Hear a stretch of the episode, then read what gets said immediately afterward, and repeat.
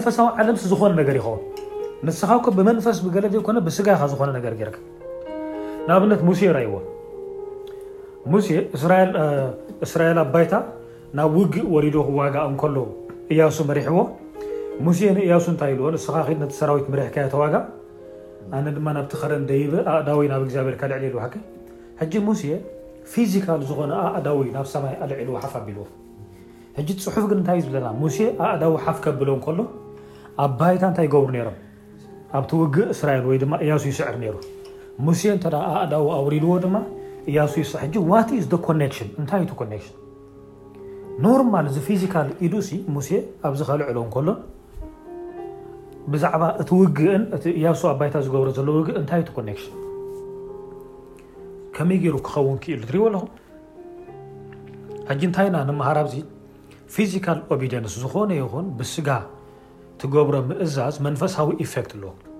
ኣብቲ መንፈስ ንስኻ ኣብዚ ብስጋ ተኣዚዝካ ዝኾነ ነገር ክትገብር እንኮለኻ እቲ ብስጋ ትገብሮ ዘለኻ ስጋዊ እዩ ኢልካ ክትንዕቆ የብልካ። ንኣምላኽ ትእዘዝ ክሳዕ ዘለኻ ኣብቲ መንፈሳዊ ዓለም ኢፈክት ኣለዎ። መንፈሳዊ ኢፈክት ኣለዎ እቲ ብስጋ ትገብሮ።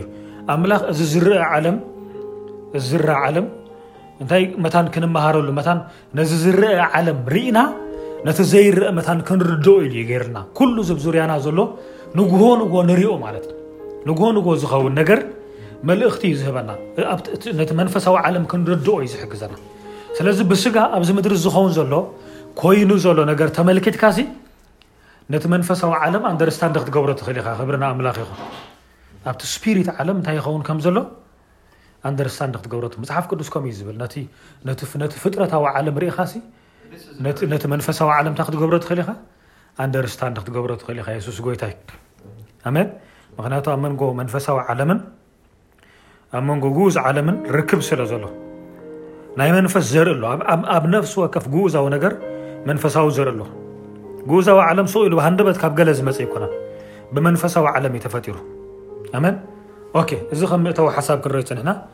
እጂ መንፈሳዊ ውግእ ንሕና ከም ሰባት ኣብዚ ምድሪ እዚ ክንነብር እንከለና መንፈስ ዝኾነ ጸላእ ኣለና መንፈስ ዝኾነ ድማ ረዳ ኣለና ስለዚ መንፈሳዊ ረድኤት ኣለና መንፈሳዊ ተቃውሞ ድማ ኣለና መናፍስቲ ኣለዉ ዝሕግዙና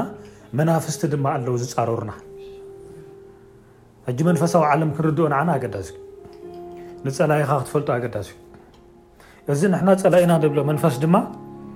ሕጂ ድመጸ ኣይኮነን ኣብ ሓድሽ ክዳን ድመጸ ኣይኮነን ዓለም ክትፍጠር እንኮላ ሓጢኣት ከይተገበረ ኣዳም ምስ ተፈጠረ ባይዞ መንፈሳዊ ውግእ መንፈሳዊ ውግእ ከምዚ ሓጢኣት ስለ ዝገበርካ ጥራይ ኣይኮነን ዝመፀካ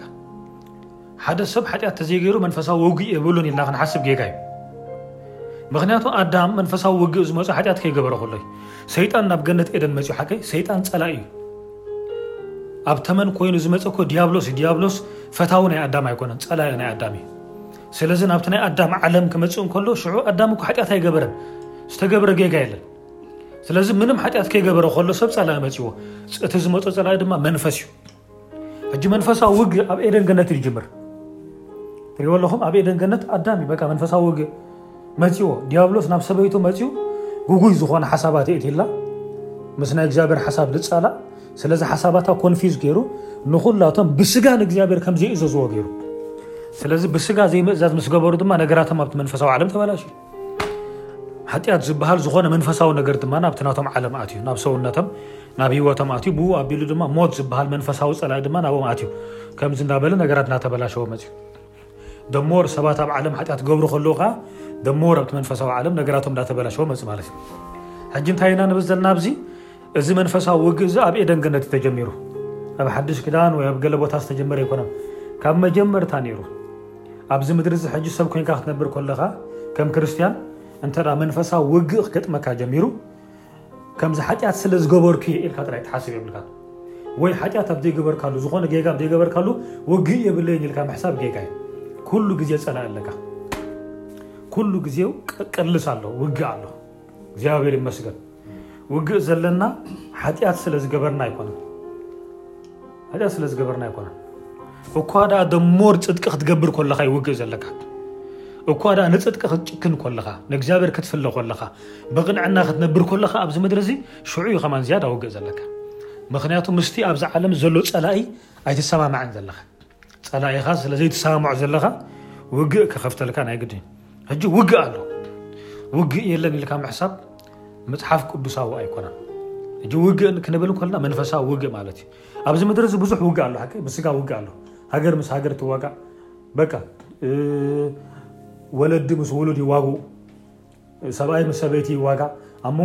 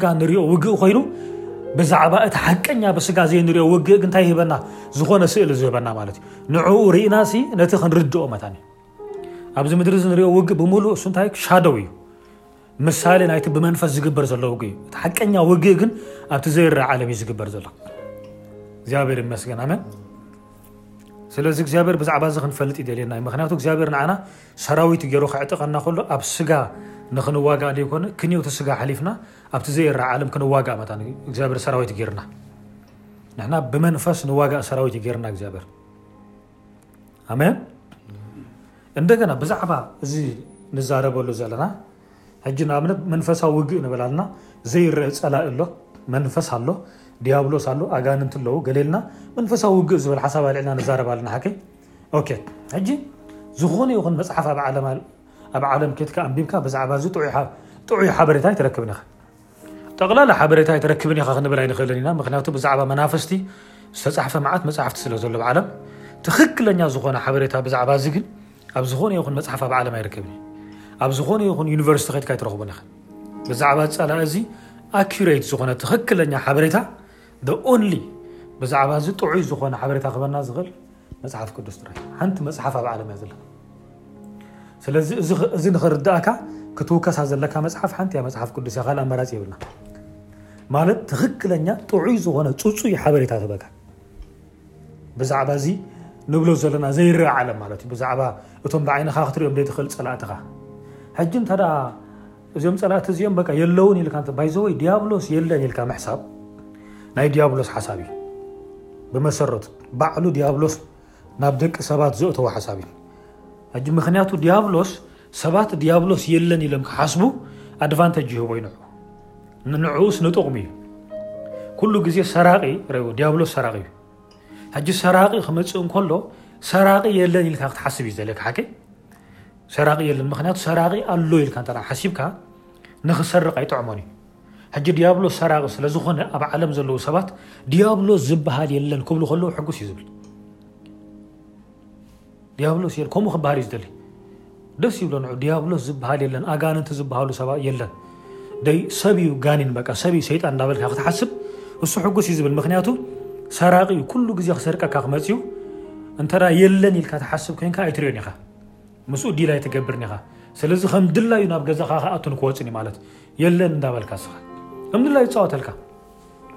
ሕጂ እዚ ዲያብሎስ የለን መናፍስቲ ዝበሃሉ የለን ኢልካ ምሕሳብ ኣዝዩ ሓደገኛ ሓሳብ እዩ ኣዝዩ ሓደገኛ ሓሳብ እዩ ምክንያቱ ፀላኢኻ እንከሎ ሲ የለን ኢኻ ትብል ዘለካ እስኻ ፀላኢ እንከሉ ኣብቲ ዘለካዮ ቦታ የለን ኢልካ ኢኻ ትዛረብ ዘለካ መፅሓፍ ቅዱስ ግን ዲያብሎስ የለን ኢሉ ኣይምህርን እዩ ዲያብሎስ ኣሎ ኢሉ ፅቡቅ ገይሩ መረናይ ክብርና ኣምላኽ ይኹን ሕጂ ናይ ድያብሎስ ድምጺ ሓደ ሓደ ግዜ ከይንሰምዕ መታን ክንጥንቀቕ ኣለና። ኦኬ ገለ ገለ ኣብነታት ክንወስድ ኢና እሞ ኣብ ብሉይ ኪዳን ዝነበረ መንፈሳዊ ውግእ እቶም ኣብ ብሉይ ኪዳን ዝነበሩ ነቢያት ናይ ኣምላኽ ሰባት ከመይ መንፈሳዊ ውግእ የጋጥሞም ከም ዝነበረ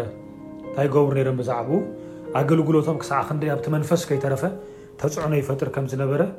ክንሪኦ ኢና ክንቅጽል ኢና ኣብቲ ናይ በቀዳማይ ዝጀመርናዮ ማለት እዩ ዳንኤል ምዕራፍ ዓሰርተ ንኺድ ኦኬ ዳንኤል ምዕራፍ ዓሰርተ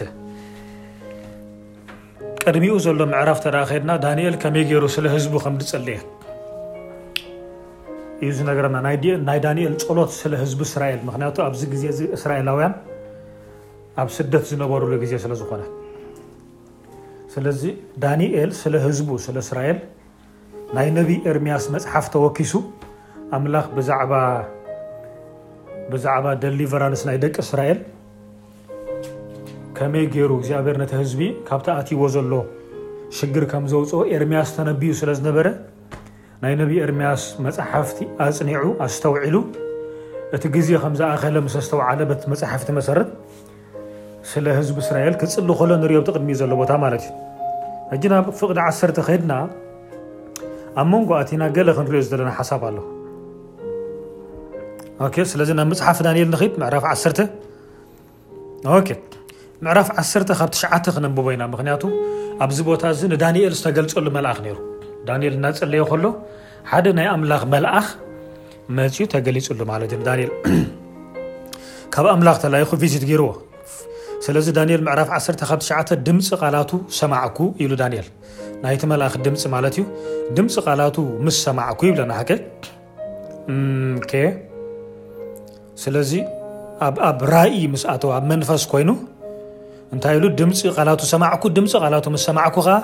ውኖ ይጠፊእኒ ብገፀይ ናብ ምድሪ ወደቕኩ ኢሉ እነሆ ከዓ ኢድ ተንከየትኒ በብራኸይን ብግናዕ ኣእዳወይን ከዓ ኣተንሰኣኒ ንሱ እውን ኣታ ዳንኤል ኣዚኻ እተፈተኻ ሰብ ኣነ ሕጂ ናባኻ ተላኢኸ እየ እሞ፣ ነቲ ኣነ ዝነግረካ ቃላት ኣስተውዕሎ፣ ቀጥ ኢልካ ድማ ደው በል በለኒ። እዚ ቃል እዚ ምስ ተዛረበኒ እናንቀጥቀጥኩ ደው በልኩ። በለኒ ድማ ዳንኤለየ ካብታ ልብኻ ናብ ምስትውዓል ዘቕናዕካላ ርእስኻ እውን ኣብ ቅድሚ ኣምላኽካ ዘትሓትካላ ቀዳመይቲ መዓልቲ ጀሚረን ቃላትካ ተሰሚዐን እየን እሞ ኣይትሸበር ምእንቲ ዘን ቃላትካ ከኣ መጺኤ እኔኹ ኢልዎ። ስለዚ ጅምር ክተብል ኮለኻ ጸሎት እግዚኣብሔር እንታይ ገይርዎ ንጸሎትካ ሰሚዑ ወይ ካብታ ቀዳመይቲ መዓልቲ ኣብ ቅድሚ እግዚኣብሔር ጸሎት ዝጀመርካላ እግዚኣብሔር ንጸሎትካ እንታይ ገይርዎ ኢልዎ ሰሚዕዎ እዩ። ስለዚ እዚ መልኣኽ እዚ ተላኢኹ ዘሎ ብምክንያት ጸሎት ናይ ዳንኤል እዩ። ዳንኤል ምስ ጸለየ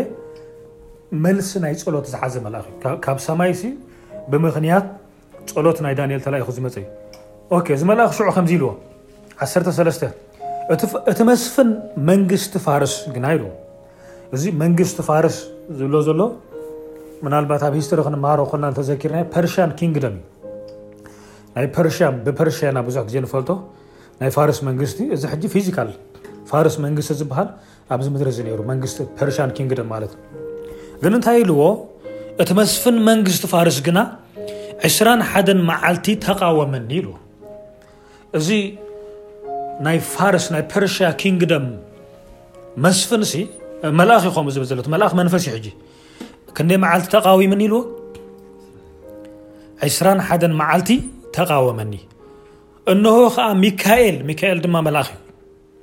ካብቶም ኣውረታት መሳፍንትስ ሓደ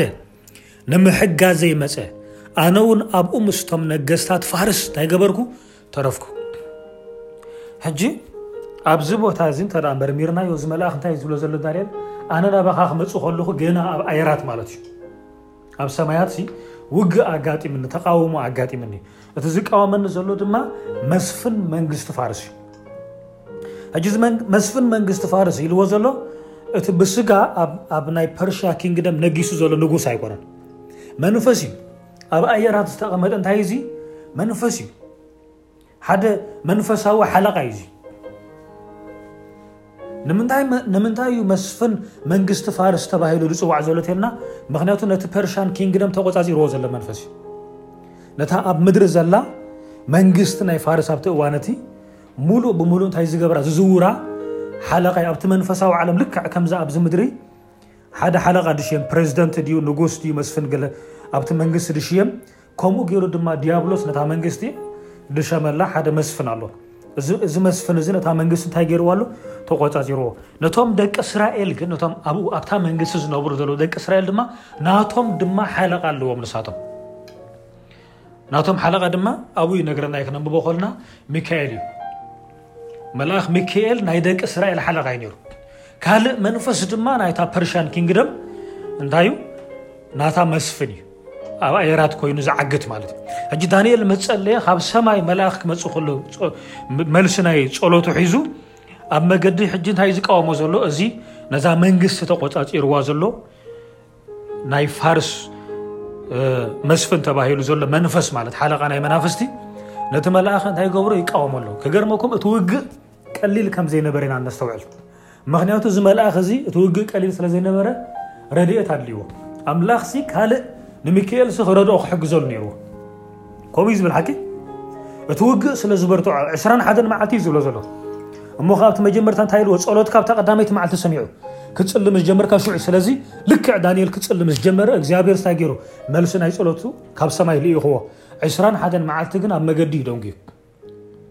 ምኽንያቱ ውግእ ስለ ዘጋጠሞ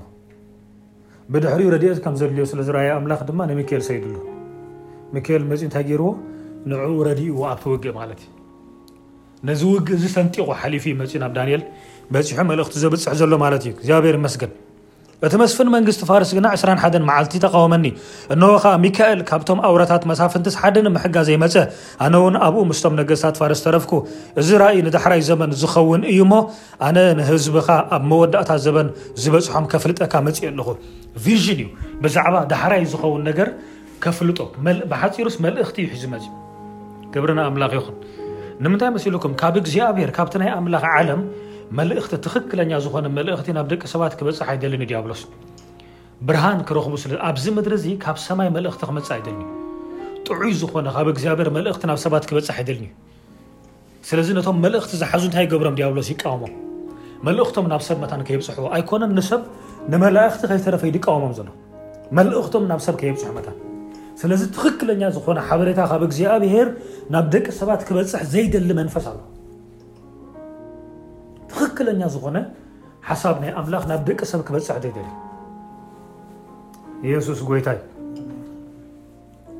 መናፍስቲ ኣለዉ ዝቃወሙ ብጣዕሚ ዝገርመካ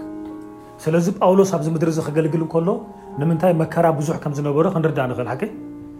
ጳውሎስ ኣብዚ ምድሪ እዚ ከገልግል እንከሎ ልዕሊ ዝኾነ ይኹን ካልእ ሃዋርያ ልዕሊ ዝኾነ ይኹን ኣገልጋሊ ናይ ጳውሎስ መከራ ፍሉይ ነይሩ ንጳውሎስ ተቃውሞ በቶም ዘይኣመንቲ ዘይኮነ በቶም ኣመንቲ ከይተረፈ ተቃውሞ ነይሩ ጳውሎስ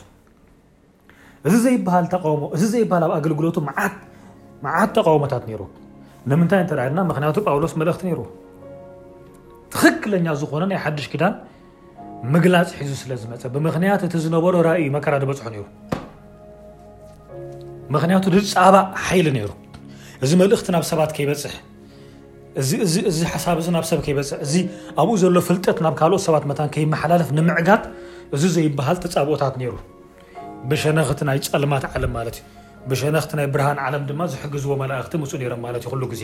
ስለዚ ጳውሎስ ክኸይድ እንከሎ ጳውሎስ ሓደ ሰብ እዩ ሓገይ ተራ ሰብ ክመስለካ ክእል እዩ ጳውሎስ ክንቀሳቀስ ከሎ ጳውሎስ ክሰርሕ ብምክንያት ጳውሎስ ግን ኣብ መንፈሳዊ ዓለም መዓት መላእኽቲ መዓት ኣጋንንቲ እንታይ ይገብሩ ፋይት ይገብሩ ብምክንያት ሓደ ሰብ ብምክንያት ኣገልግሎት ናይ ሓደ ሰብ እዚ ዘይበሃል ሰራዊት ውግእ ዝገብር ኣብ መንጎ መላእኽትን ኣጋንንትን መዓት ውግእ ኣሎ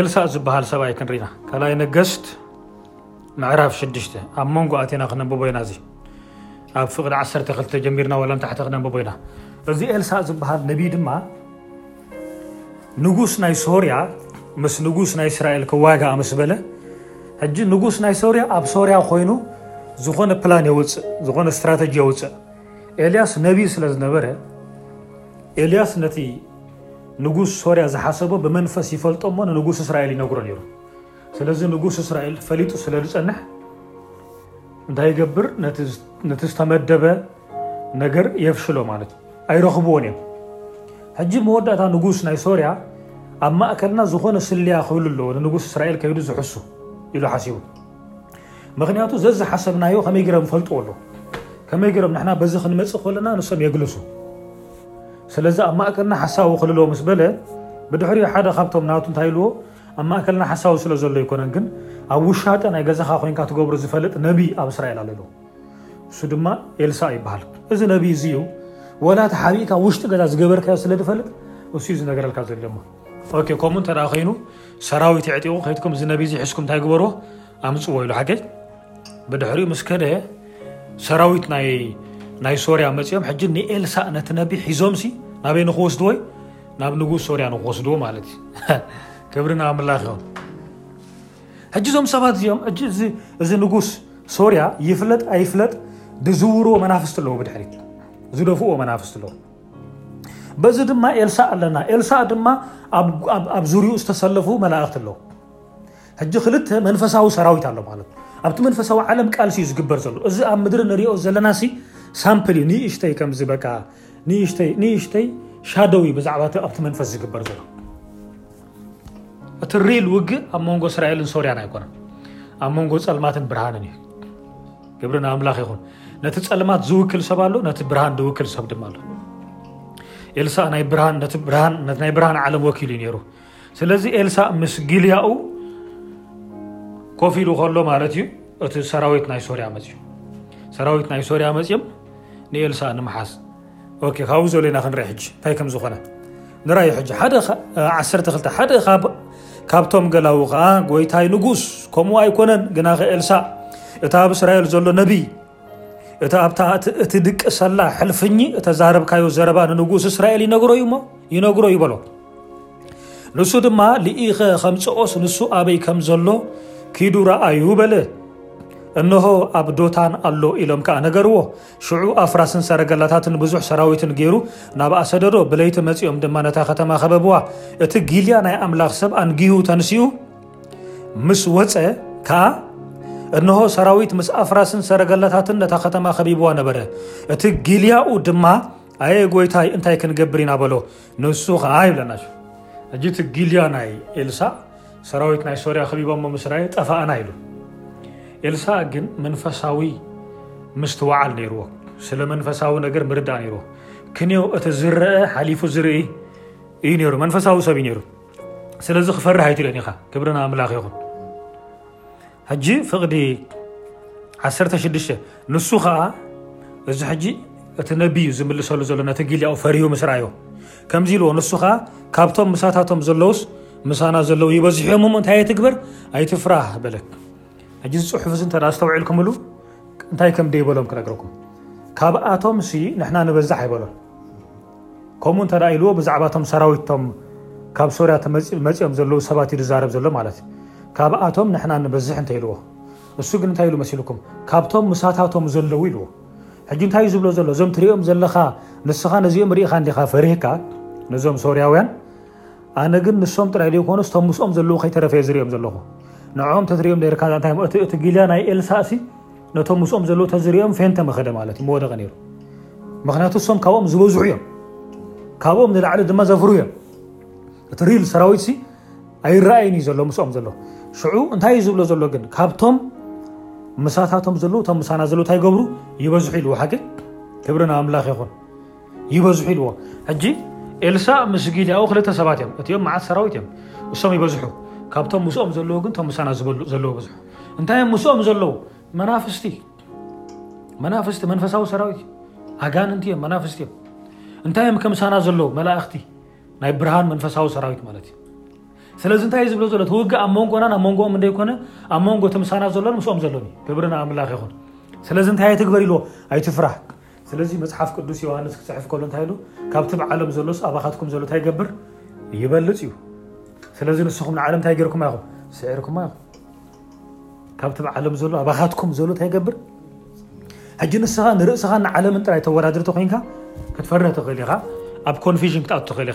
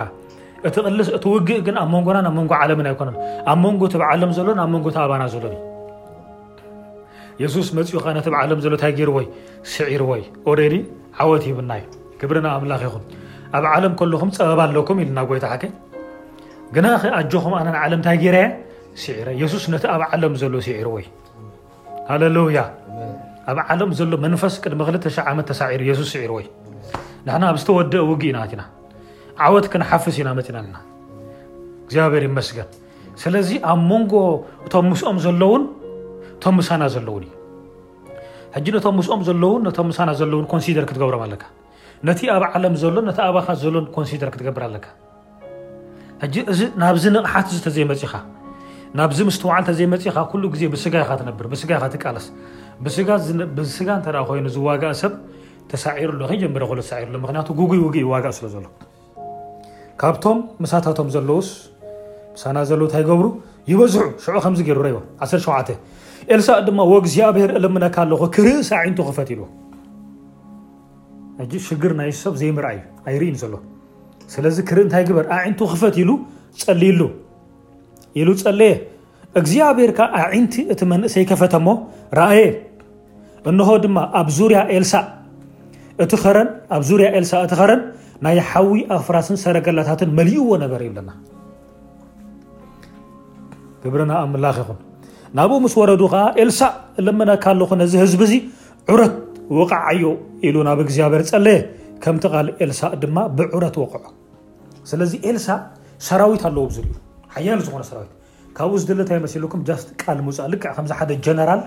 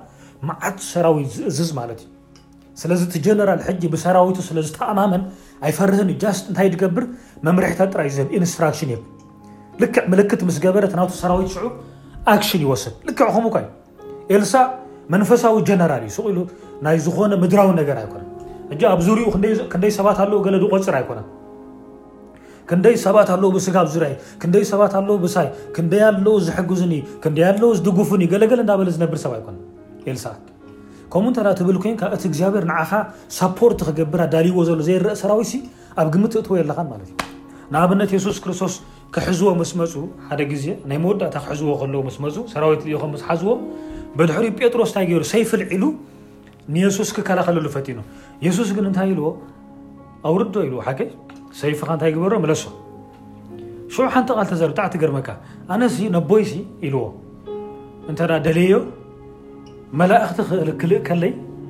ክእዝ ዝኽእል ኢሉ ሓቂ ሽዑ ክንደይ ዝኾኑ መላእኽቲ ይብሎ ሓደ ሊገዎ እንዲ ዝብሎ ኣሽሓት ማለት እዩ መዓት መዓት መላእኽቲ መፂኦም ዝክቃለሱሉ ይኽእሉ እዮም ሕጂ ብዛዕባ እቲ ኣብ ዙሪኡ ዝነበረ ብዛዕባ እቲ ብድሕሪኡ ዝነበረ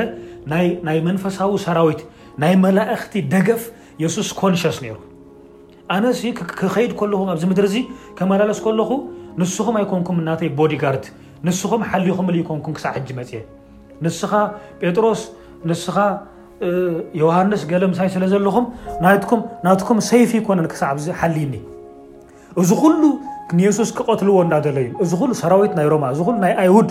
ትዕቢት ማለት እዩ የሱስ ነዚ ኩሉ እዚ ኩሉ ዓመታት ክሓልፍ እንከሎ እንታይ ስለ ዝነበረ እዩ በዓል ጴጥሮስ ሓልዮ እሞ ጴጥሮስ ምናልባት ከምኡ መሲልዎ ክኸውን ይኽእል ንሕና ሓሊናዮ ክብል ይኽእል እዩ የሱስ ግን ከምኡ ይኮነን ኢልዎ ሰራዊት ኣለዉ ሕጂ ከዓ እንተ ደልየሲ ክእዝዝ ይኽእል ኢልዎ ግን ስለ ዘይደለኹ ኣይእዝን እዩ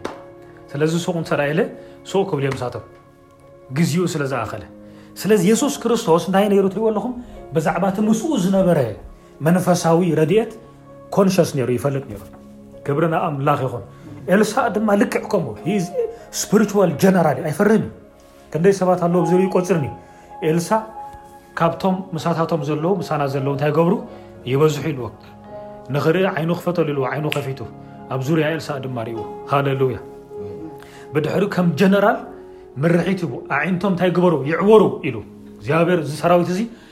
ኣዒንቱ ይዕወር ኢልዎ ኤግዛክትሊ ድማ ዊዚን ኤ ሚኒት ብምሉኦም ዓይኖም ዓዊሮም ኢየሱስ ጎይታ እዩ እቶም ምሳታቶም ዘለዉ ብምሉኦም ከ እንታይ ኮይኖም ተታሒዞም ወላ ሓንቲ ክገረድዎም ኣይከኣሉ ብምሉኦም እቶም ምስኦም ዝነበሩ መንፈሳዊ ሰራዊት ኣጋንንቲ ደ መናፍስቲ ኣብ ቅድሚ እቶም መላእኽቲ ወላ ሓንቲ ይገበሩ ምክንያቱ እዚ ጀነራል እዚ መላእኽቲ ዝእዝዝ ጀነራል ስለዝኾነ ወላ ሓንቲ ክገብሩ ኣይከኣሉ እቲ ምሳኻ ዘሎ መንፈሳዊ ሰራዊት መንፈሳዊ ረድኤት እንተ ዘይተስርሖ ኮንካ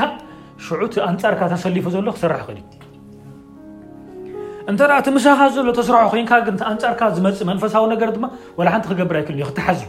ክእሰር እዩ ምክንያቱ ካብቲ ኣብኦም ዘሎ ኣባኻ ዘሎ ስለ ዝዓቢ ሕጂ ኩሉ ግዜ ነቲ ምሳኻ ዘሎ ስጋ ድዩ ኮንካ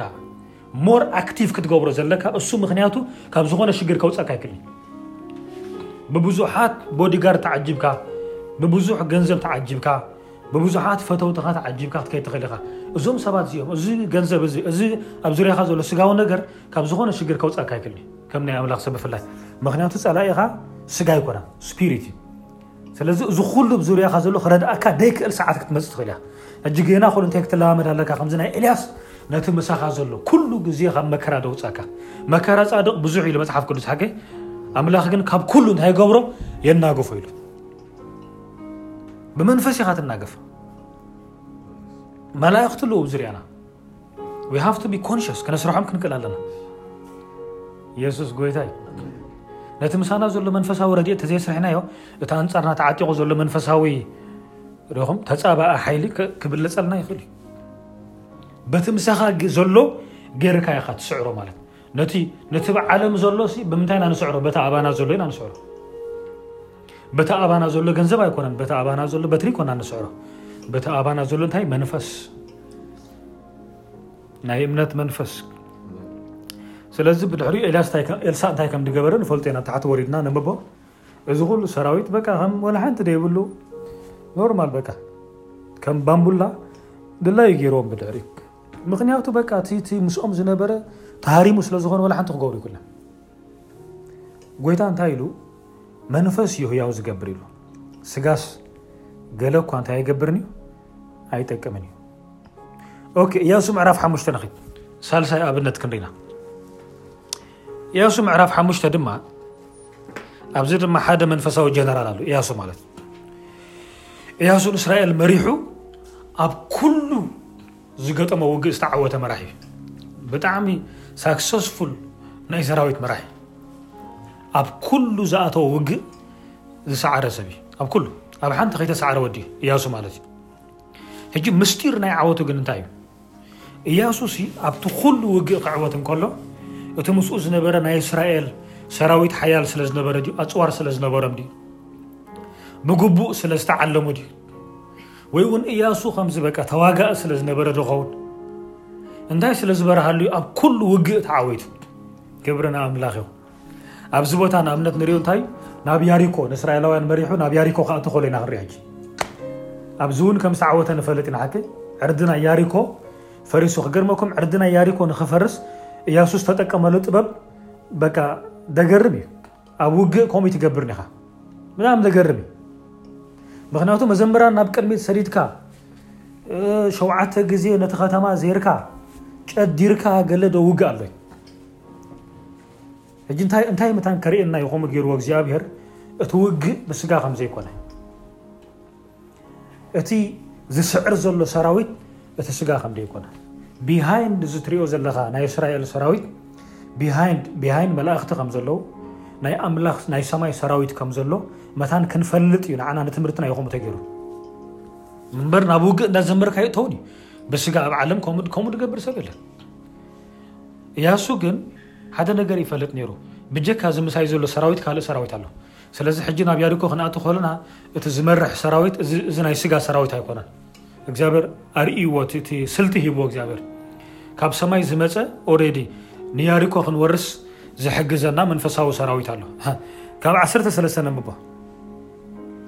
ኢያሱ ምዕራፍ ሓሙሽተ ልና ምስ ሓቂ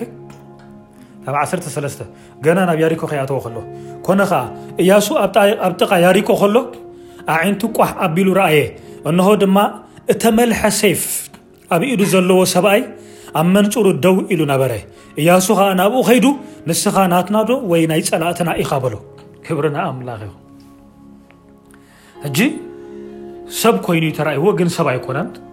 ኣብ ታሕቲ ክነንብቦ ከለና ፅሑፍ ሰብ ከም ዘይኮነ ክንርኢና መንፈስ እዩ ካብ መንፈሳዊ ዓለም ዝመፅእ እንታይ እዩ እዚ ናይ ወታሃደር እዩ ዝተመልሐ ሰይፍ ኣብ ኢዱ ዝሓዘ እያሱ ብማዕዶ ርእዎ ምስ ረኣዮ እያሱ እያሱ ዝሓተቶ ሕቶ ብጣዕሚ ገሪምኒ ንስኻ ሲ ኢልዎ እንታይ እዩ ዝበሎ ነንብባ እያሱ እንታይ ኢሉ ሓቲትዎ ንስኻ ናትና ዲኻ ንስኻ ናትና ዶ ወይ ናይ ጸላእትና ኢኻ ኢሉ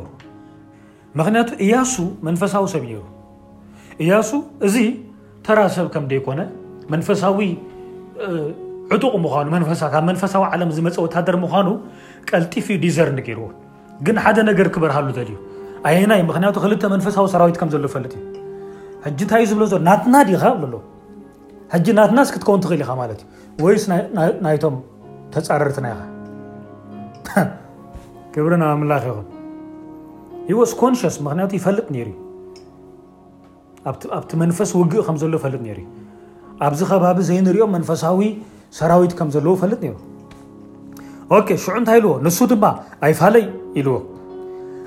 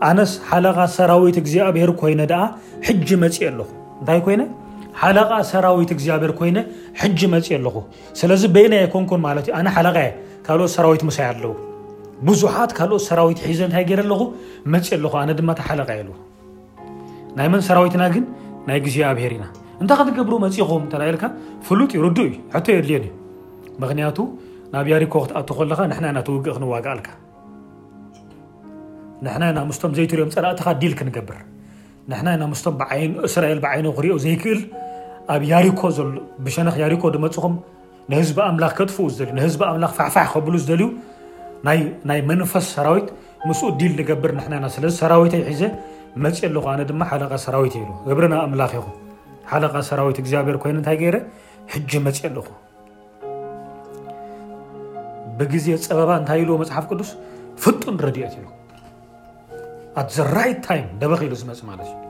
ክብሪ ንሸሙ ይኹን በይንና ኣይኮናን ኣሜን ሰራዊት ኣሎ ምሳና እግዚኣብሔር ክልእኸና ከሎ እግዚኣብሔር ክዛረበና ከሎ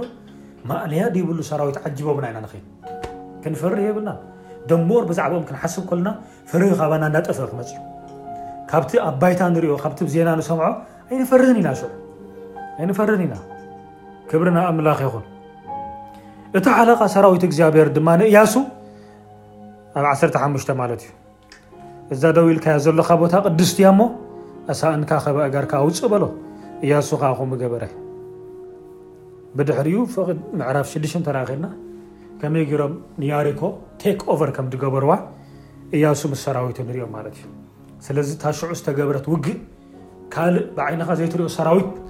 እንታይ ዝገበረ ኢንቮልቭ ዝገበረ ውግእ እዩ ነይሩ ብሉይ ኪዳን ብምሉእ ከምዚ እዩ ኣብ መንጎ መላእኽትን ኣብ መንጎ መናፍስትን እዩ ኩሉ ግዜ የሱስ ጎይታ እዩ ናይ መወዳእታ ሓንቲ ክንርኢ ናብ ዳዊት ክንከይድና ቀዳማይ ዜና 21 ዘሎ ክንርኢና ቀዳማይ ዜና መዋእል ዒስራን ሓደን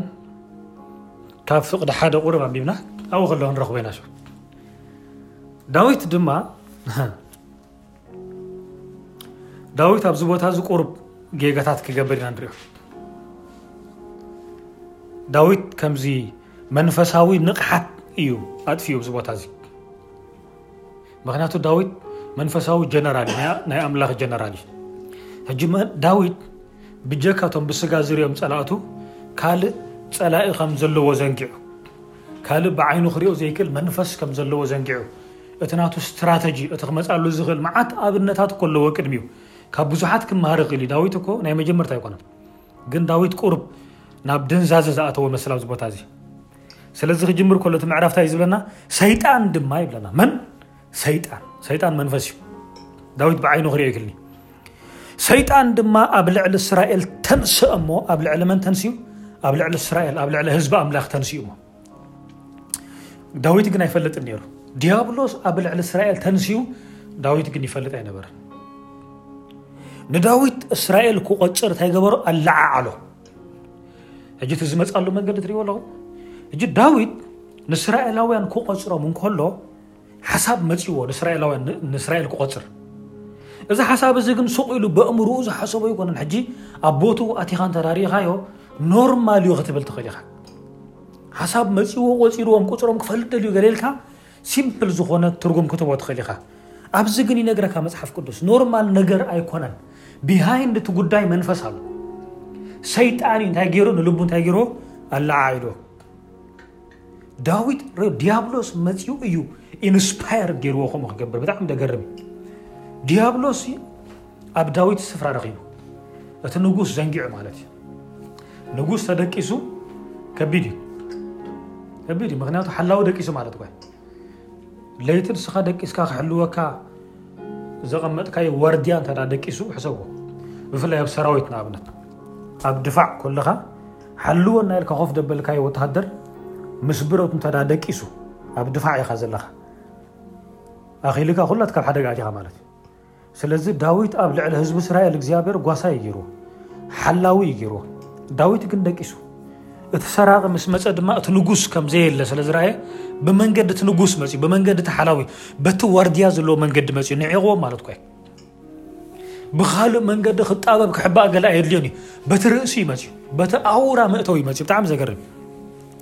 ኦኬ ረይዎ ሕጂ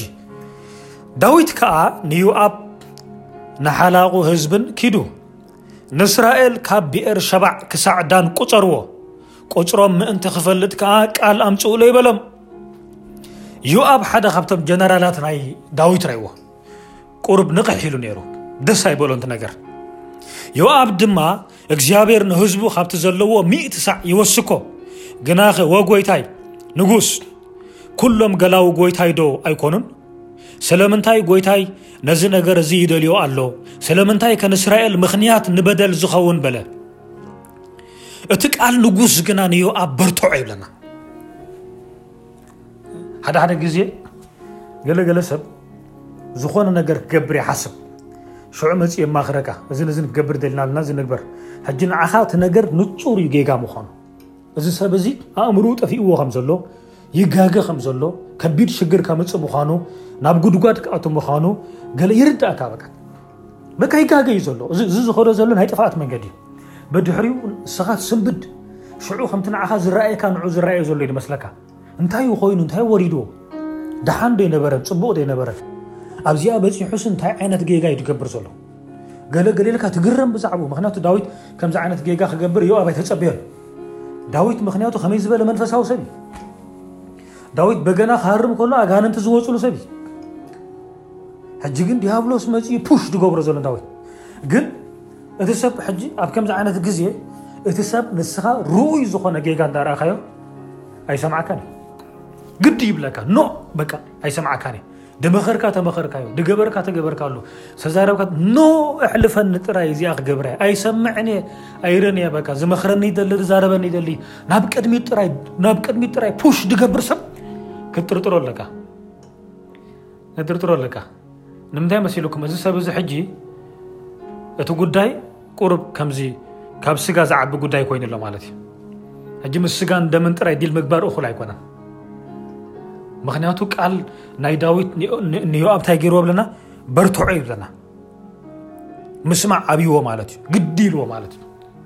ከምኡ ዝብል ጽሑፍ እቲ ቃል ንጉስ ግና ንዮኣብ እንታይ ገበሮ በርትዖ ምኽኣል ምስማዕ ስኢንዎ ማለት እዩ ዮኣብ ክስምዖ ኣይከኣልን ካብ ዓቕሙ ላዕሊ ኮይንዎ ግዲ ኢሉ ስለዚ ኣብ ከምዚ ዓይነት ግዜ እንታይ ክትገብር እዩ ተመራፂ ብፍላይ ንሕና ኣብ ሓድሽ ክዳን ሕጂ ስልጣን ስለ ዘለና ነቲ ሰብ ገዲፍካ ምስቲ ብድሕሪኡ ኮይኑ ፑሽ ዝገብር ዘሎ መንፈስ ዲል ምግባር ጥበብ እዩ እንታይ ዝደፍኦ ዘሎ ኢልካ ክትሓት ኣለካ እንታይ እዩ ዘህውኾ ዘሎ እንታይ ኮይኑ ህውኽ ህውኽ ዝብል ዘሎ ሓደ ሓደ ግዜ ሲምፕል ሓደ ነገር ክገብር ደልዩ ሲምፕል ደህውኽ ነገር እኮ ኣይኮነን ሓደ ሰሙን ፅናሕ ድሓን ኔክስት ዊክ ንሓስበሉ ገለ ምሽ ትብሎ ኖ ሕጂ ተዘይገበርና ይብለካ ወላ ሓንቲ ዘህውኽ ነገር እኮ የለን እንታይ ኮይኑ እዩ ዝህወኽ ዘሎ እንታይ ከርክብ ደልዩ እዚ ዝደፍእ ነገር እዩ ዘሎ ሕጂ ዝኾነ ፑሽ ዝገብር ሓይል ኣሎ ዝኾነ ብዓይንኻ ክትል ክትሪኦ ከእትዎ ደልዩ ኣብቲ ጉድጓድ ከእትዎ ደልዩ ምክንያቱ ግዜ ተወሲዳ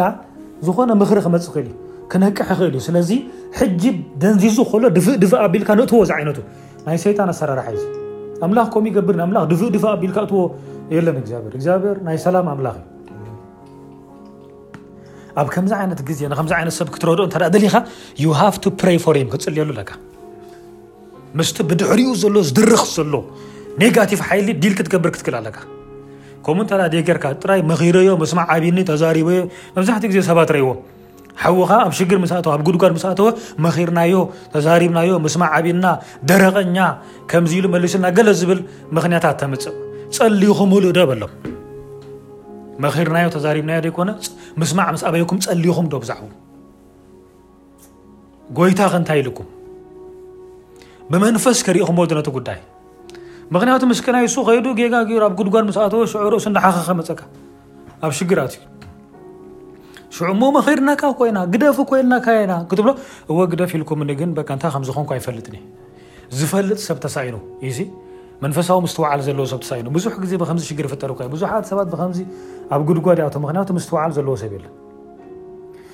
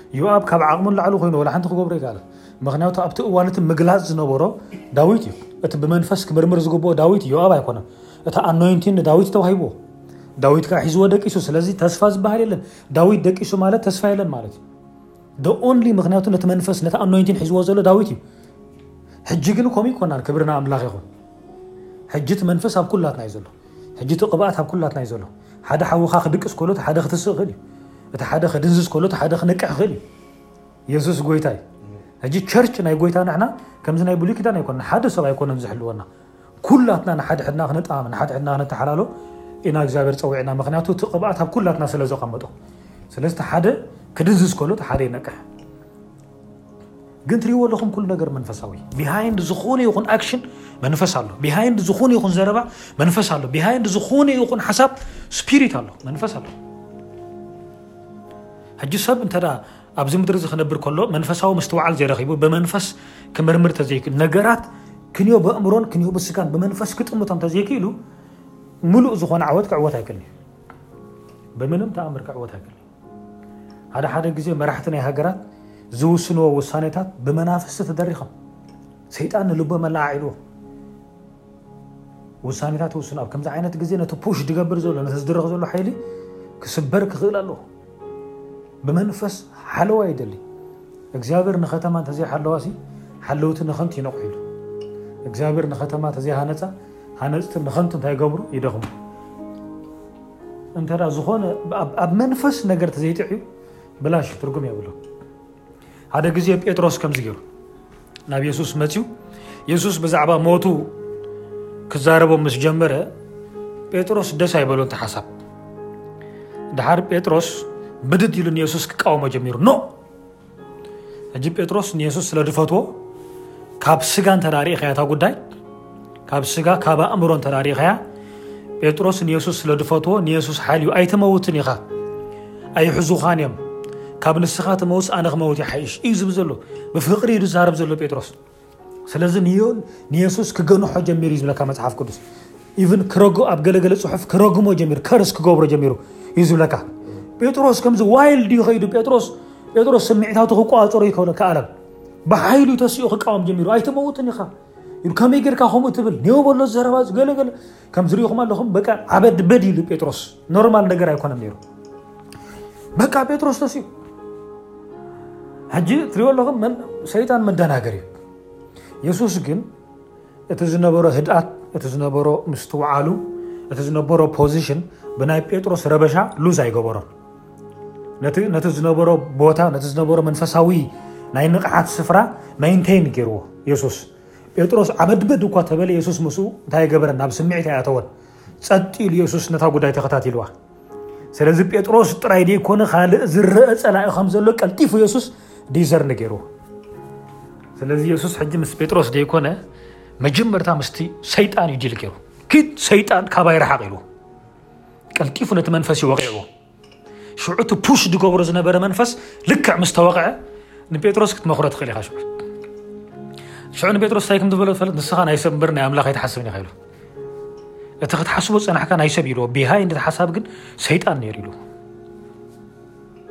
ሓደ ሓደ ግዜ እኮ ነቲ ሓሳብ ክትሪኦ ከለካ ፅቡቅ እዩ ዋላ ሓንቲ የብሉን ከምዚ ንግበር እዚ ነዚ ንግበር ገለ ተባሂሉ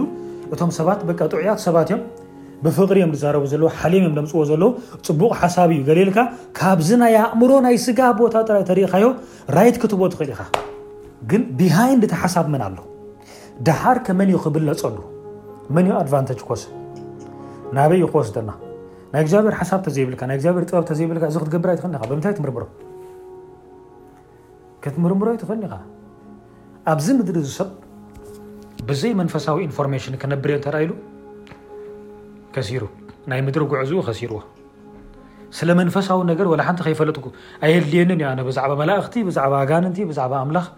ከይፈለጥኩ ኣነ ጃስት ተማሂረ ሰሪሐ በሊዐ ሰትየ ሓዳረይ ገይረ ደቂ የዕብየ ብሰላም ክነብር እትሉ ሰላም ዝበሃል የለን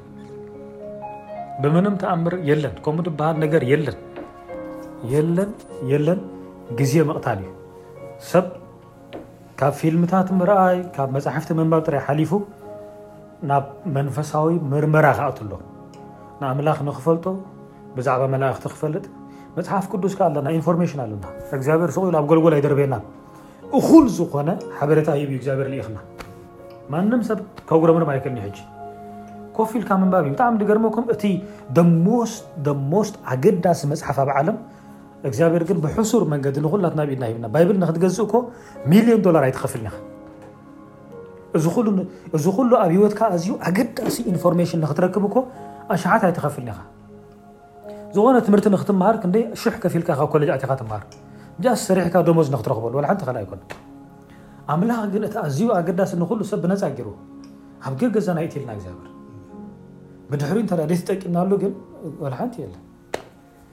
ናይቲ ዝመፅእ ኮንሰኮንስ ንሕና ተሓተቲ ንኸውን ስለዚ ህይወት መንፈሳዊት እያ ክብሪ ንኣምላኽ ይኹን ብሉይ ኪዳን እዩ ዝኮ ሓድሽ ኪዳን ኣይከና እዚ ኩሉ ንሪኦ ዘለና ብሉይ ኪዳን እዩ ትሪእዎ ኣለኹ ናይ መላእኽትን ናይ መናፍስትን ግጥም እዩ ነይሩ እዚ ኩሉ ንሕና እስራኤል ዶ ፈለስጤም ዶ ገለገለ ንብል ኣለና እሱ ይኮነ እቲ ጉዳይ ኣብ መንጎ መላእኽትን ኣብ መንጎ መናፍስትን እዩ። ኣምላኽ ናይ ፍልስጤም ጸላኢ ኣይኮነን። ኣምላኽ ናይ ግብጻውያን ጸላኢ ኣይኮነን። ኣምላኽ ናይ ናይ ፈርዖን ኣምላኽ ኣምላኽ ናይ ሰብ ጸላኢ ኣምላኽ ንዝኾነ ይኹን ሰብ ከም ጸላዩ ኣይቆጽሮን እዩ። እግዚኣብሔር ንኹሉ ሰብ ይደፍቅር። ሕጂ ኣብ ባይታ ዝኸውን ዘሎ ኣይርዳእካን እዩ እቲ መፅሓፍ ተፃሒፍልና ዘሎ ብዛዕባ እቲ ስጋዊ ፍልስጤም ዶ እስራኤል ዶ ሶርያ ዶ ገለ ክንዲ ዝሞይቶም ክንዲ ዝጠፍኦም ገለ ንዕኡ ጥራይ ኣንቢብና ተኸድና ኣይርዳእና እንታይ ይግበር ኣሎ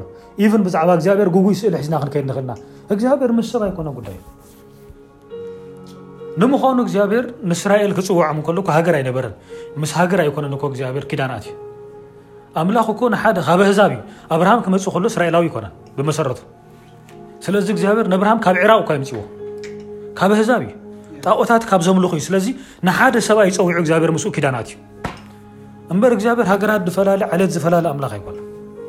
ኣምላኽ መንፈስ እዩ ጉዳይ ኣምላኽ ድማ ይፈልጥ እዩ ምስ መን ይገጥም ምስ መን ይዋጋ ንስኻ ግን ናይ መን ባርያ ትኸውን ክትመርፅ ኣለካ ናይ መናፍስቲ ባርያ እንተ ኮንካ ኣብቲ ናይ ፀልማት ዓለም ወጊንካ ኣለኻ ኣምላኽ ምሳኻ ክኸውን ኣይክልኒ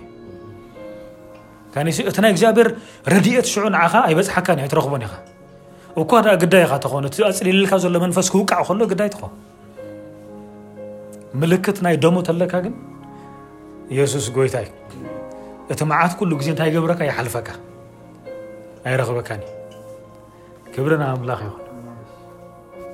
ኣብቲ መንፈሳዊ ነገር ዝያዳ ምትኳር እዩ እጂ ሓንቲ ጥበብ በዚኣ ክንዓፅዋ ኩሉ ግዜ መጽሓፍ ቅዱስ ከጽንዕ ከሎ ሰብ ብሓፈሻ ሰብ ኣብ ምድሪ ክነብር ከሎ ፍልጠት ኣለኒ እንተ ኢሉ እንተ ተማሂሩ ኣብቲ ስፒሪቹዋል ነገር ሞር ከተክር ኣሉ ካልእ ኣይትፍለጥ ካልእ ኣይትመሃር ገለ ኣይኮነን ሞር ግን ኣብቲ መንፈስ ምትኳር እዩ ደዋፅእ